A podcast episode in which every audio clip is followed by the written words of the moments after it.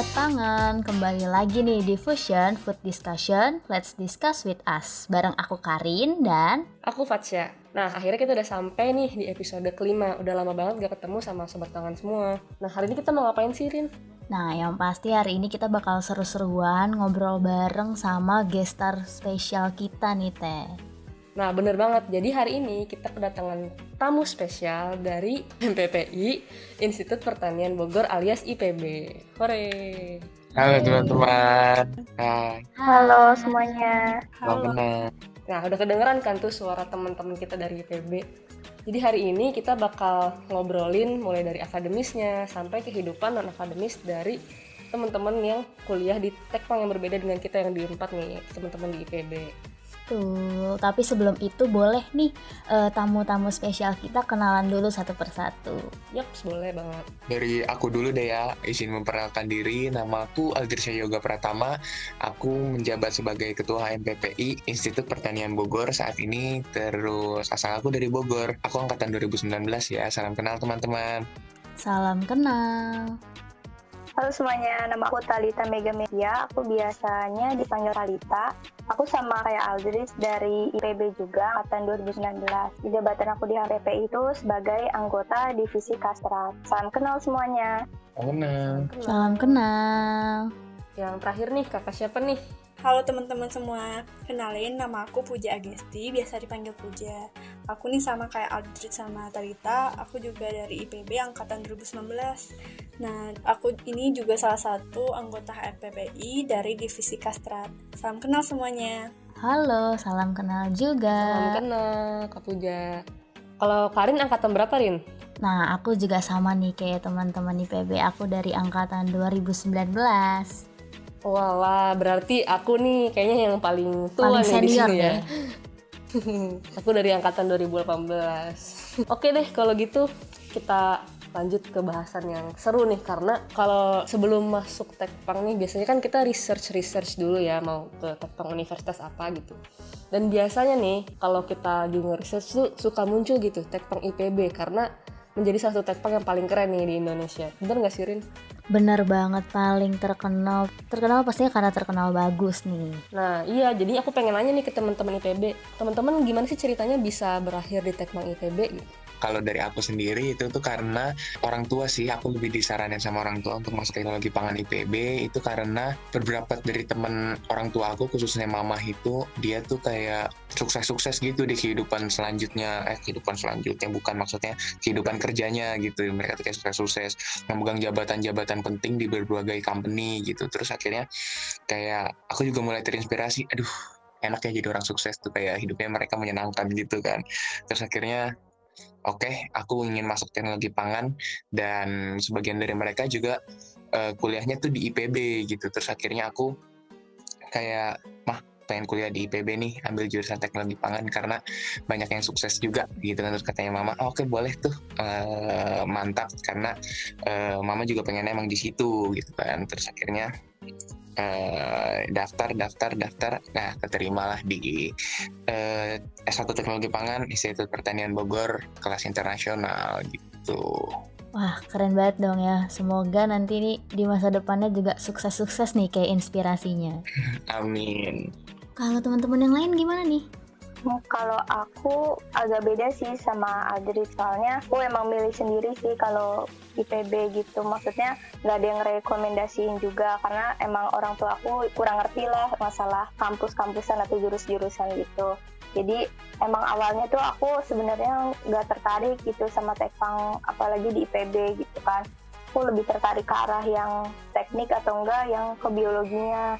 Nah tapi waktu SMA tuh aku sama teman-teman aku ikut lomba yang diselenggarakan sama TPIPB, uh, Tekpang IPB yaitu lomba cepat tepat ilmu pangan. Nah dari situ aku tuh kayak uh, dapat pencerahan lah tentang gimana jurusannya, kegiatan perkuliahannya, terus mata kuliah mata kuliahnya tuh kayak gimana sama uh, di Tekpang IPB tuh terbaik nomor satu di Indonesia udah terakreditasi A oleh IFT gitu-gitu deh jadinya aku tertarik masuk Tekpang IPB Keren juga ya. Apa namanya? Tahu dari lomba gitu ya. Kalau Teh Puja gimana nih? Nah, kalau aku juga beda cerita nih sama Aldris sama Talita. Kalau aku nih awalnya nggak kepikiran sama sekali mau ambil teknik IPB pengennya tuh aku mau ambil jurusan yang teknik teknik teknik gitu sih. Tapi uh, waktu itu kan aku keterima alhamdulillah keterima bagian kuota SN gitu kan.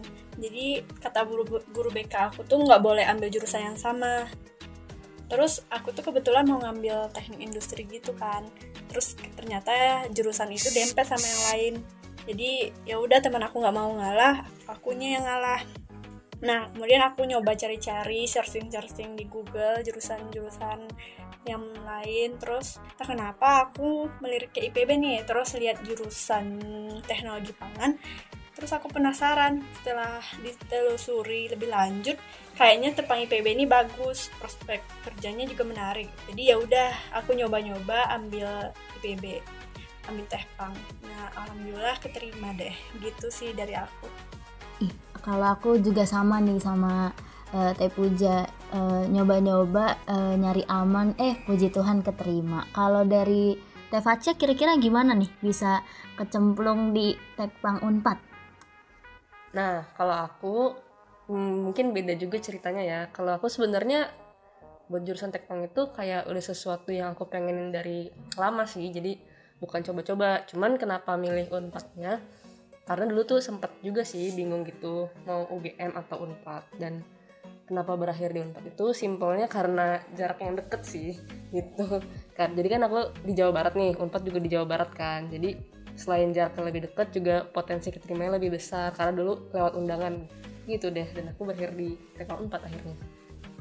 Oh, kisah-kisahnya menarik-menarik banget nih uh, dari teman-teman IPB dari Tefacia juga nah kan kita uh, puji Tuhan nih kita masuk ke jurusan yang uh, jurusan tekpang nih yang enggak uh, yang keren lah ya jurusannya. Nah pasti kita juga mengalami nih yang namanya ospek nih. Kira-kira nih gimana sih cerita ospek teman-teman dari IPB? Ada nggak sih pengalaman seru dan nggak terlupakan? Boleh dong diceritain. Oke nih, aku yang mulai cerita ya. Kalau dari IPB itu sih ospeknya itu ada tiga kali ya. Kalau tingkat pertama baru masuk itu ada ospek kampus namanya tuh MPKMB IPB nah MPKMB ini berlangsung selama lima hari berturut-turut. Pokoknya itu acaranya full dari pagi sampai sore terus berlanjut sampai hari keempat. Nah di hari kelimanya ini beda gitu. Ada closing MPKMB gitu kan. Terus ngundang apa diadain konser terus ngundang uh, band terkenal gitu serem-serem bareng sampai malam gitu. Nah, karena walaupun apa dengan adanya closing MPEKMB ini hari pertama sampai hari keempat itu kayak terbayarkan karena kita seru-seruan bareng gitu. Terus di tingkat kedua sama kedua itu ada ospek fakultas namanya itu Tekno F. Terus ospek departemen namanya Baur ITP itu kita ke bagian online ya teman-teman. Soalnya kan itu di tingkat kedua jadi kalau ospek fakultas sama departemen ini berjangka berbulan-bulan gitu. Ada tugasnya dikasih tapi seruan juga sih. Kalau menurut aku sih gitu. Kalau menurut Talita gimana? Hmm, kalau menurut aku emang lebih seru ospek yang umum ya yang MPKMB itu. Karena ada apa latihan orasi terus juga bikin formasi tuh yang uh, sempat ini juga dapat rekor alhamdulillah itu sih yang paling berkesan pas latihan orasi itu kayak kita belajar solidaritas. Jadi uh, apa ya kita juga main bahasa-basahan juga karena kan orasi kayak di apa ya simulasi orasi depan gedung DPR gitu. Terus uh, nanti ada simulasinya juga kalau kita misalkan seandainya disiram gas air mata tapi ini enggak gas air mata beneran. Pakai apa sih air gitu di selang kayak pemadam kebakaran gitu deh. Jadi kita basa-basan kuyup gitu terus untuk yang berpesan selanjutnya sih paling di, bikin formasi gitu sih yang tadi aku udah sebutin. Karena ya walaupun kita panas-panasan di tengah lapangan gitu tapi ya apa alhamdulillah terbayar sih karena hasilnya juga memuaskan. Kalau untuk ospek apa ya tadi punya ospek departemen sama fakultas tuh apa ya aku kurang ini sih kurang merasa berkesan karena kan online jadi apa yang nggak kerasa realnya gitu. Juga banyak tugas jadi aku agak agak males. Gitu deh. Kalau Audrey sendiri gimana nih? Kalau dari aku sendiri sih eh, sama seperti Talita ya kayak yang kayak yang paling seru tuh pas os- ospek online itu tepatnya pas MPKMB itu yang waktu tahun pertama untuk ospek keseluruhan universitas gitu. Karena eh, pada suatu waktu tuh aku sempet kayak dikumpulin gitu sama teman-teman aku di satu lapangan yang luas di bawah terik matahari, Ih, kayak di novel banget ya. Di lapangan yang luas di bawah terik matahari. Terus kita tuh habis makan apa habis istirahat siang kalau nggak salah tuh habis makan langsung tiba-tiba tentara datang dari belakang memperkenalkan diri. Terus tiba-tiba kita disuruh tiarap semua tuh disuruh tiarap lapangan tanahnya retak-retak gitu kan yang udah karena kepanasan lagi musim kemarau jadi tanahnya retak-retak tuh tajam-tajam disuruh tiarap terus disuruh merangkak itu dari ujung lapangan ke ujung lapangan. Wah berasa juga nih kan. Begitu pulang-pulang ngecek tangan ngecek eh, muka semua ngaca uh pada hitam semua bener-bener bener-bener eh, warna hitaman kulit itu meningkat dan untuk respiration eh reparationnya perbaikannya itu kulitnya biar jadi ke balik warna normal tuh kayak membutuhkan waktu yang lama gitu hampir sebulan kalau aku tuh. Waktu pulang ospek tuh orang tua sampai nanya eh itu kamu kenapa? Kok hitaman banget? Wah aku juga bingung nyampe hitaman begitu kan. Terus aku tanya kayak kelompok-kelompok lain tuh kalau nggak salah dia tuh nggak nggak ketemuannya kayak gitu ya? Kelompok aku doang yang ketemuan tentara kayak gitu. Mungkin karena terlalu bandel apa gimana kelompok aku ya bingung deh. Kalau untuk Puja dan Talita nggak ketemu kan yang kayak gitu atau apa ketemu juga Kalau aku sih nggak ketemuan ya. nggak nggak ada ya Ya kali ya kalau karena Aldrich bandel kayaknya. dari aku sih segitu dulu ya itu mungkin cerita apa kali ya Tapi aku juga ketemu loh Aldrich eh, sama tentara. Cuman gak disuruh ngerangkak sih, cuman baris doang. Habis itu udah selesai. Alhamdulillah sih. iya baris doang. ya wah jadi iri nih aku Wah, disuruh berangkat nih Unik ya berarti yang marah-marah itu tentara gitu. Tiba-tiba di ospek univ kan.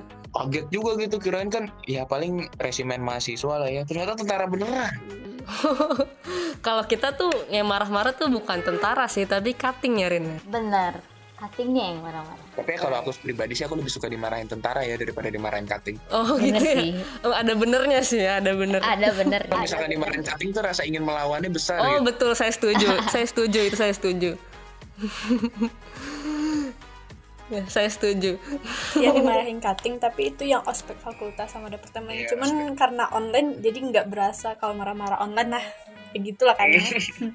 Kalau Karin berasa nggak Rin? Berasa dong kan semuanya offline Oh iya bener. Karin kebagian meskipun satu angkatan tapi Karin kebagian ya ospek offline ya. kebagian Nah iya, maka karena kayaknya kita beda gitu deh sistemnya. Kalau di Unpad tuh kayak ospeknya juga sama tiga kali, tapi yang Unif cuman kayak tiga hari berturut-turut di awal sebelum masuk kuliah. Habis itu dilanjut ospek fakultas. Itu juga biasanya nggak lama, kayak paling cuman dua hari atau paling lama sebulan gitu. Nah baru selanjutnya yang ospek jurusan yang bisa sampai berbulan-bulan, namanya itu spekta. jadi gabungan barengan gitu ya semuanya ya dalam satu waktu ya? Bener. Di satu semester gitu jadi dihabisin. Nah pas spekta tuh pokoknya ngalamin tuh yang seru-seru banget deh kalau pas spekta karena kan kayak orangnya lebih dikit ya terus satu jurusan ketemu mulu setiap hari banyak kenangan-kenangannya sih. Hmm, kalau yang paling berkesan kalau lu apa Rin? Pastinya adalah field trip karena itu akhirnya kita keluar dari Unpad kita jalan-jalan terus kayak ngeliat tuh apa proses produksi dulu tuh aku ke eh, tahu susu Lembang sama ke Coca-Cola juga apalagi pas di bis ya itu tuh gak bisa tidur ya namanya karena MC-nya seru banget Oke, seru ya, seru banget. Hmm, seru sih, seru. Kalau aku sih pas ini sih malam puncak yang kayak nginep gitu keluar buat diperesmikan lah jadi anggota keluarga himpunannya. Terus kayak ada pos to pos, ada ada api unggun, ada petasan meledak gitu-gitu, rame ya. Nah tapi kalau di jurusan kita tuh ada yang khas gitu. Kita tuh kayak ada budaya kalau misalkan panitianya itu pasti anak tingkat duanya gitu loh. Jadi yang abis baru selesai jadi peserta, tahun depan mereka bakal jadi panitia gitu. Makanya semua anak pernah ngerasain jadi panitia. betul Oke, adil ya berarti ya. hmm benar-benar Nah iya. Nah serunya tuh pas panitia sih biasanya banyak kenangannya tuh biasanya pas jadi panitia sih karena kayak kerasa banget bisa bikin angkatannya jadi lebih solid gitu. Setuju nggak Rin? Setuju banget sih karena tuh kayak pasti kan ada aja ya berantem berantem kecil terus kayak nggak setuju sama opini eh, teman buat ide nih ide spektakuler kayak gini-gini pasti ada aja berantem berantem kecil. Tapi itu tuh yang bikin apa ya? Bikin angkatannya tuh jadi lebih solid sih kalau menurut aku. Nah, betul banget setuju. Kan kalau misalkan abis selesai ospek tuh mulai belajar nih biasanya sambil belajar gitu kan tahun pertama, tahun kedua, tahun ketiga. Nah, kalau misalkan kuliah nih meskipun kita satu jurusan kan kita beda univ ya. Pasti ada cerita nggak sih eh, ada perbedaan gitu kalau misalkan di mata kuliah mata kuliahnya. Favoritnya matkul apa nih? Kalau Karin apa Karin? Kalau aku karena dari SMA ya, eh getol banget belajar biologi karena gimana ya? Seru aja gitu di pelajaran walaupun banyak hafalan. Jadi pas di Tekpang aku suka deh sama yang namanya mikrobiologi pangan. Kalau teman-teman yang lain ada yang suka mikpang juga nggak nih? Aku sih setuju ya sama Karin ya karena eh, aku tuh waktu SMA tuh berpikir bahwa teknologi pangan itu tidak mempelajari kimia. Aku berpikir bahwa teknologi pangan itu mempelajari biologi, lebih banyak biologi gitu. Terus akhirnya, ih aku kebetulan suka biologi nih, tinggal ngapa ngapa ngapa ngapa. Hmm, ya udah aku masuk nih. Begitu di dalam, lihat nih apa yang harus aku selesaikan, makul matkul. Kok isinya kimia semua gitu kan? Pengen mengundurkan diri sudah terlambat, sudah masuk kuliah, jadinya harus menghadapi dengan hati yang suci, hati yang berani, hati yang tulus. Nah kan jadi akhirnya eh, pas ketemu pelajaran mikrobiologi pangan ini tuh aku kayak tahu gitu ah ya aku suka pelajaran ini jadi harus bagus alhamdulillah nilainya bagus gitu kan ah iya bener berarti apa yang aku suka itu nggak salah kan Tuh kan setuju juga. Kalau teman-teman yang lain ada lagi nggak nih yang suka mikpang?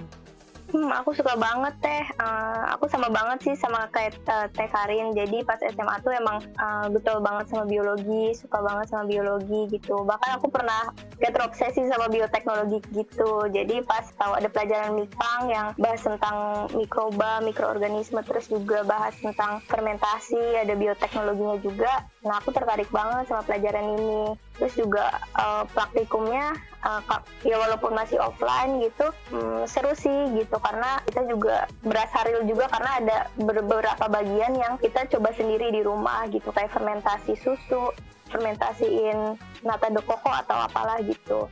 Sama ini sih aspeknya juga baik-baik banget karena eh, nggak pelit nilai juga gitu oh iya praktikum mikrobiologi pangan aku tuh juga sempet disuruh berkunjung ke pabrik tempe gitu padahal lagi corona kayak aku mencoba untuk ngeles-ngeles ih gimana ya kalau misalkan aku ketularan gitu tapi sama dosennya tetap disuruh. Terus akhirnya ya udah tetap berangkat lah bareng teman-teman gitu. Aneh dan lucu gitu karena kok lagi corona mana disuruh ke pabrik tempe gitu jadi bingung Seru sih tapi. Kalau Puja gimana nih? Kalau aku sih juga suka ya matkul Mikpang, tapi ada yang lebih suka lagi nih teh. Aku lebih suka matkul evaluasi sensori namanya. Karena itu kan belajarnya nyicip-nyicip makanan, amatin sensori, rasa, bau, aroma, teksturnya, analisis datanya gitu kan.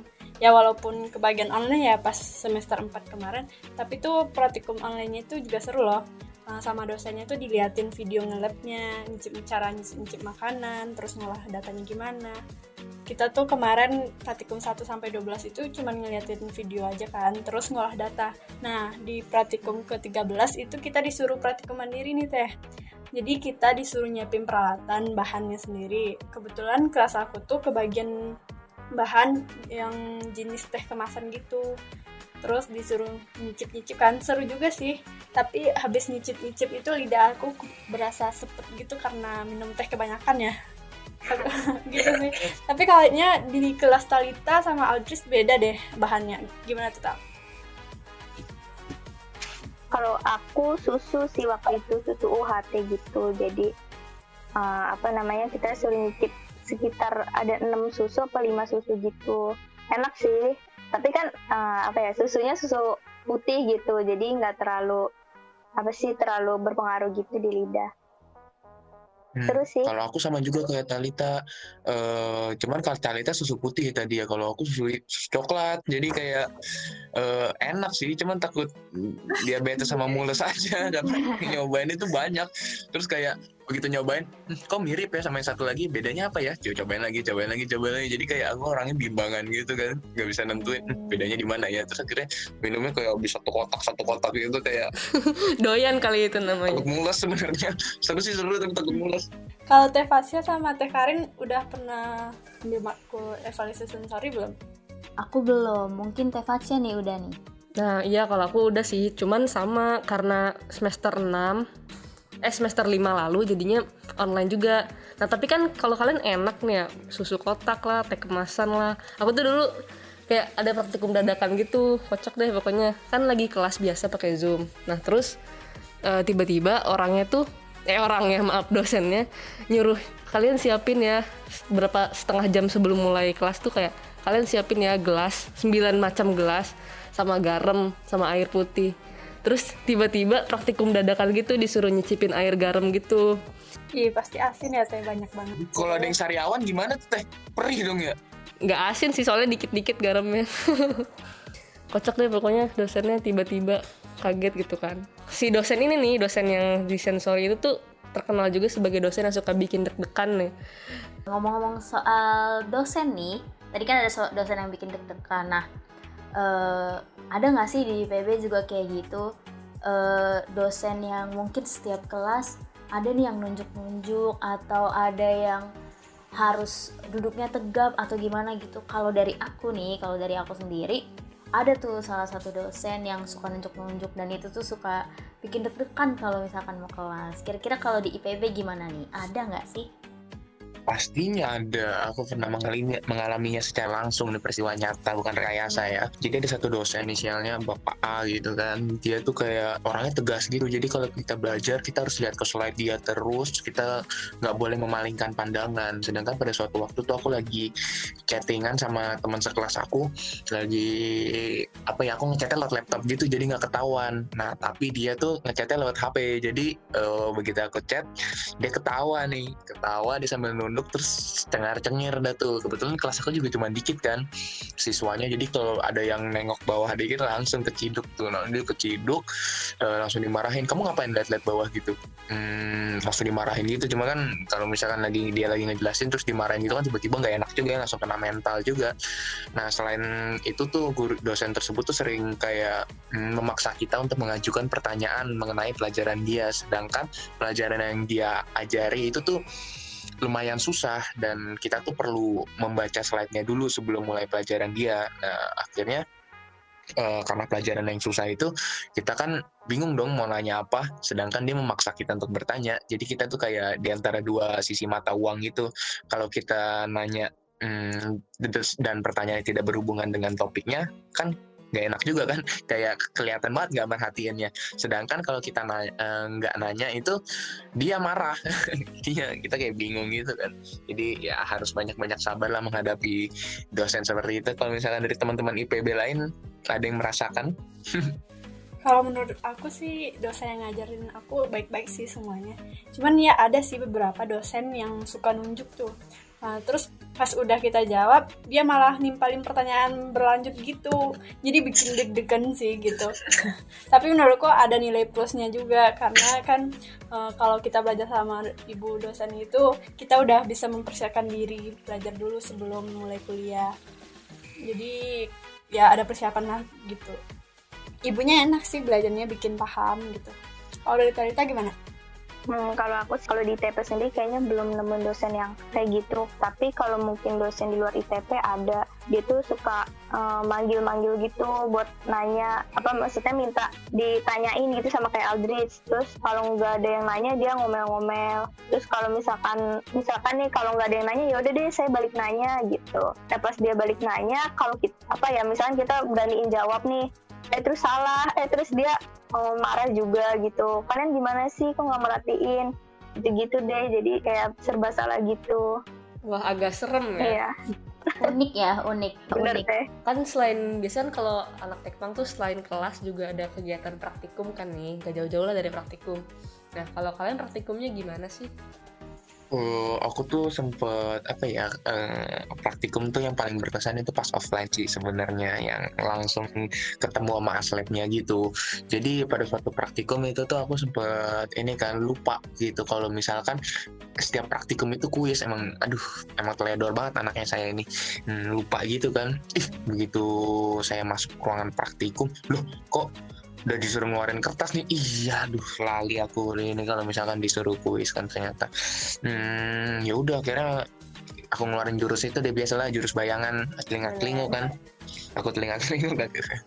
langsung aku diteriakin terus habis itu kuis aku diambil dan dinilainya itu nggak tahu nilainya gimana. Tapi alhamdulillah sih begitu aku cek uh, nilai praktikum aku sih tetap bagus ya nilainya. Tapi pada saat kuis itu aja jadi dimarahin gitu. Padahal aspek-aspek lain tuh kayak memahami gitu kayak ah gue kayaknya juga pernah nih dulu kayak gitu nengok-nengok pas lagi kuis. Jadinya mereka kayak mentoleransi. Tapi hmm. kalau untuk as aspek yang ini tuh kayak bahkan nengok sedikit pun langsung dibentak gitu kan kayak aduh over acting banget sih kayak berlebihan jadi kayak aku kurang suka aja gitu sih walaupun aku juga tahu aku salah oh iya iya agak serem ya aslabnya Iya nih, gimana sama teman-teman IPB yang lain? Kalau aku teh, uh, alhamdulillah sih nggak pernah ketemu aslab yang kayak gitu. Cuman ini aja sih paling mereka kayak agak pelit nilai gitu. Misalkan di semester 1 tuh ada mat mata kuliah kimia dasar yang ada praktikumnya. Nah, emang sih baik-baik gitu. Tapi kalau ngasih nilai kecil banget teh gitu, nggak nggak nanggung-nanggung dah dia mah. Mungkin Puja nih juga pernah ngalamin kan kita pernah satu kelompok ya Puja. Gimana nih aslabnya?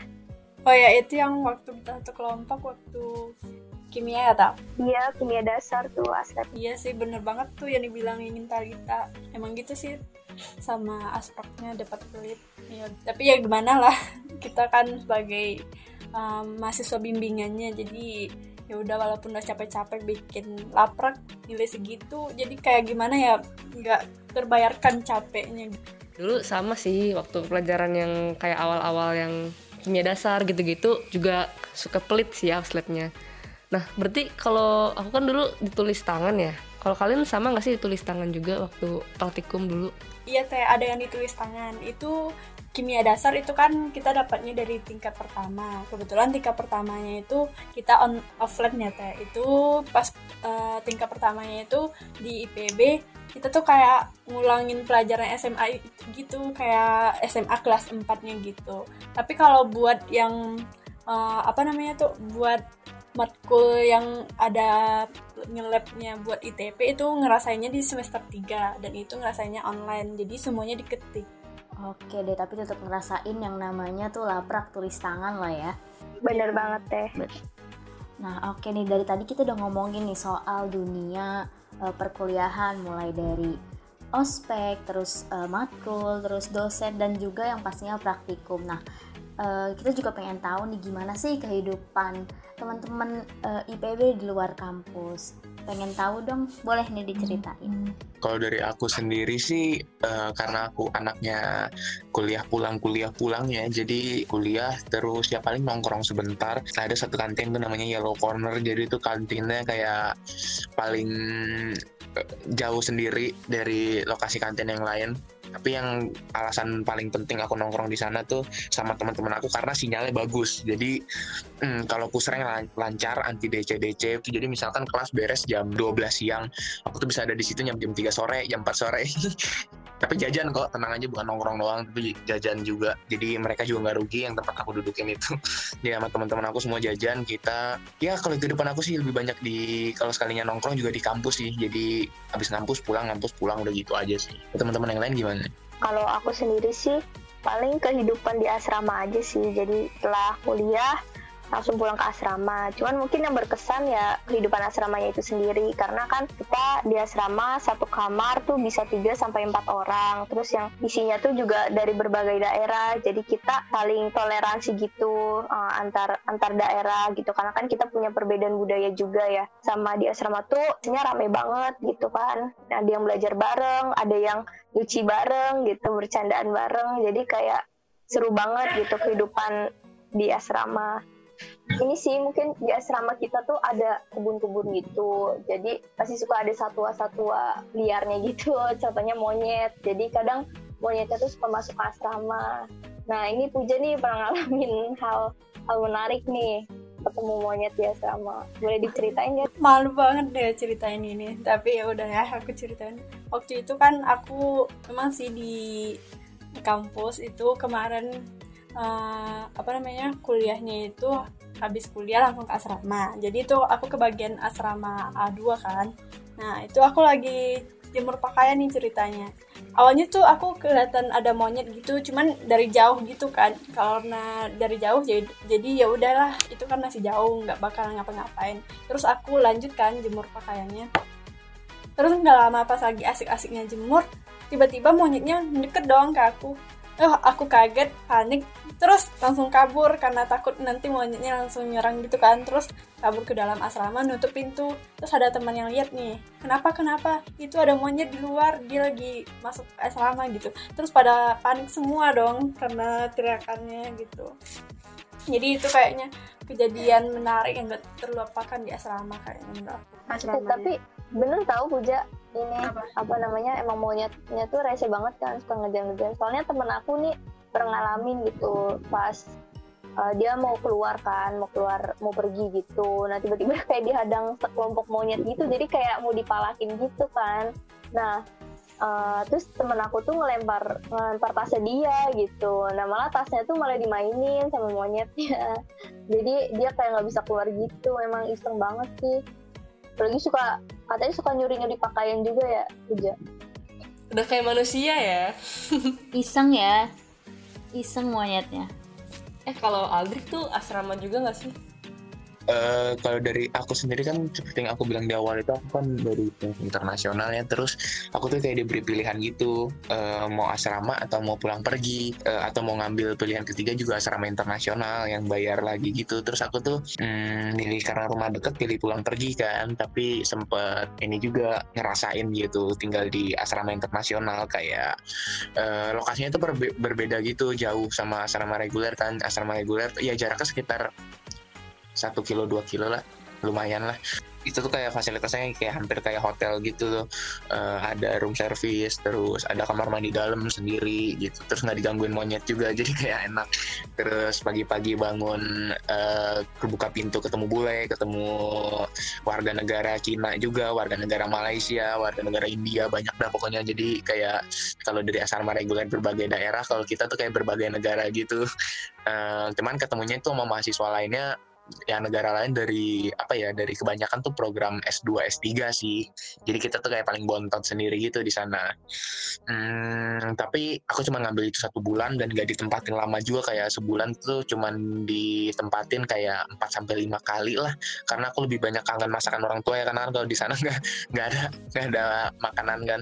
Eh, jadi harus beli di kantin dulu baru pulang ke asrama gitu kan. Jadi akhirnya aku lebih banyak pulang ke rumah karena aku lebih masak lebih kangen masakan orang tua gitu sih Oh berarti kalau misalkan kelas internasional tuh kan sama bule-bule gitu ya? Itu pakai bahasa Inggris atau gimana tuh kalau perkuliahannya? Eh, perkuliahan pakai bahasa Inggris sih kecuali misalkan kita nggak ngerti ini minta dijelasin lagi pakai bahasa Indonesia dosennya mau kok Oh, di yang penting oke. kitanya ngerti gitu kata dosennya Ya, aku mau balik dikit nih ke kehidupan akademis ya karena kebetulan lagi ngebahas kelas gitu kan. Nah, kan tadi disebutin tuh sama Puja kalau misalkan di IPB tuh tahun pertama itu kayak SMA kelas 4 gitu ya. Nah, itu tuh berarti belajarnya tuh nggak langsung masuk ke jurusan masing-masing gitu ya berarti. Nah iya benar teh. Jadi itu tingkat pertama itu kita kayak dikumpulin eh, satu kelas itu kayak beda-beda jurusan gitu teh. Kalau di aku kemarin tuh di satu kelas ada dari tujuh jurusan gitu. Ada dari teknik, terus ada dari FMIPA juga ada gitu kayak dari GFM, dari statistika, terus ada dari fakultan. Jadi seru-seruan gitu sih. Soalnya kan kita juga nggak hanya apa namanya nggak hanya satu jurusan doang yang kita kenal tapi kita juga menambah relasi sama orang-orang baru yang beda jurusan gitu Wah, seru banget dong ya berarti kayak kita tuh nggak kenal di satu jurusan doang, tapi jurusan lain juga bakalan kenalan dong ya. Kita tuh tadi udah cerita-cerita banyak banget nih dan kelihatan nih ada perbedaan, ada juga persamaan nih antara Tekpang Unpad sama Tekpang IPB. Nah, seru banget cerita hari ini, tapi sayangnya nih teman-teman, kita udah sampai di akhir segmen Fusion episode 5 nih. Nah iya sayang banget nih teman-teman. Tapi mungkin di lain waktu bisa nih kita adain ngobrol-ngobrol lagi ya dengan tema lain yang nggak kalah menarik dari tema di episode kali ini. Betul. Nah, eh, mau ucapin makasih banget nih buat teman-teman IPB yang udah eh, bareng-bareng sama aku dan juga Teh Facia buat cerita-cerita seru mulai dari perkuliahan sampai ke kehidupan di luar kampus. Semoga teman-teman yang dengerin juga menikmati nih obrolan kita. Makasih banyak ya Teh atas sharing-sharingnya. Terima kasih banyak juga nih dari teman-teman Unpad udah menjadi teman podcast. Oke. Makasih banyak nih tete-tete yang cantik udah um, mau ngobrol-ngobrol bareng kita nih. Semoga ke depannya kita bisa sharing-sharing lagi ya Teh. Amin. Nah, kalau gitu untuk episode kali ini kita cukupin dulu. See you sobat pangan di episode selanjutnya. Dadah. Dadah, thank you semua. Dadah. Dadah.